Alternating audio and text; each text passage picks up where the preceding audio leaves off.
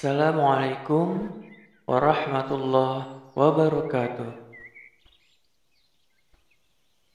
Sobat Suwon, du podcast yang disayang Allah melanjutkan seri 365 hari bersama Rasulullah Shallallahu Alaihi Wasallam. Hari ke-16 merindukan ayahanda.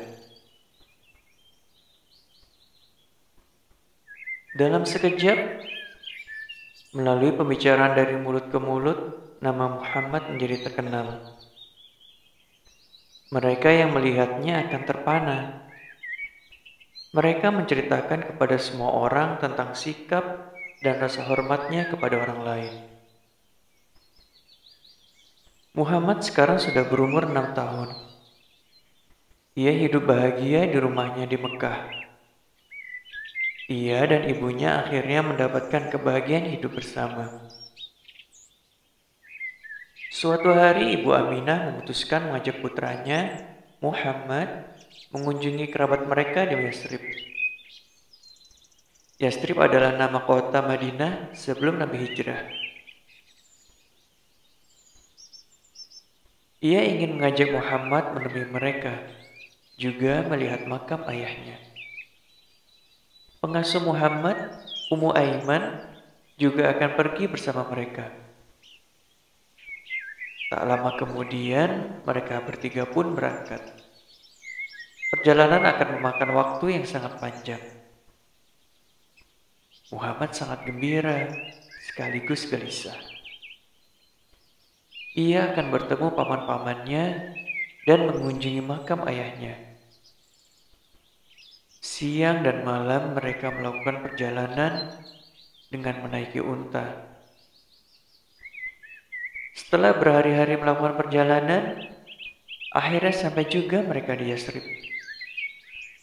Yasrib adalah negeri yang indah, penuh dengan buah dan sayuran. Mereka sampai di rumah paman Muhammad.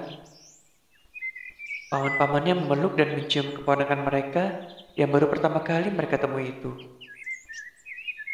Setelah itu, Ibu Aminah mengajak Muhammad pergi ke makam ayahnya. Ayahanda Muhammad, Abdullah adalah orang yang sangat baik. Ia meninggal sebelum sempat melihat anaknya.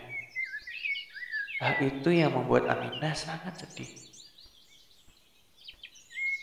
Melihat makam ayahnya membuat Muhammad sangat sedih.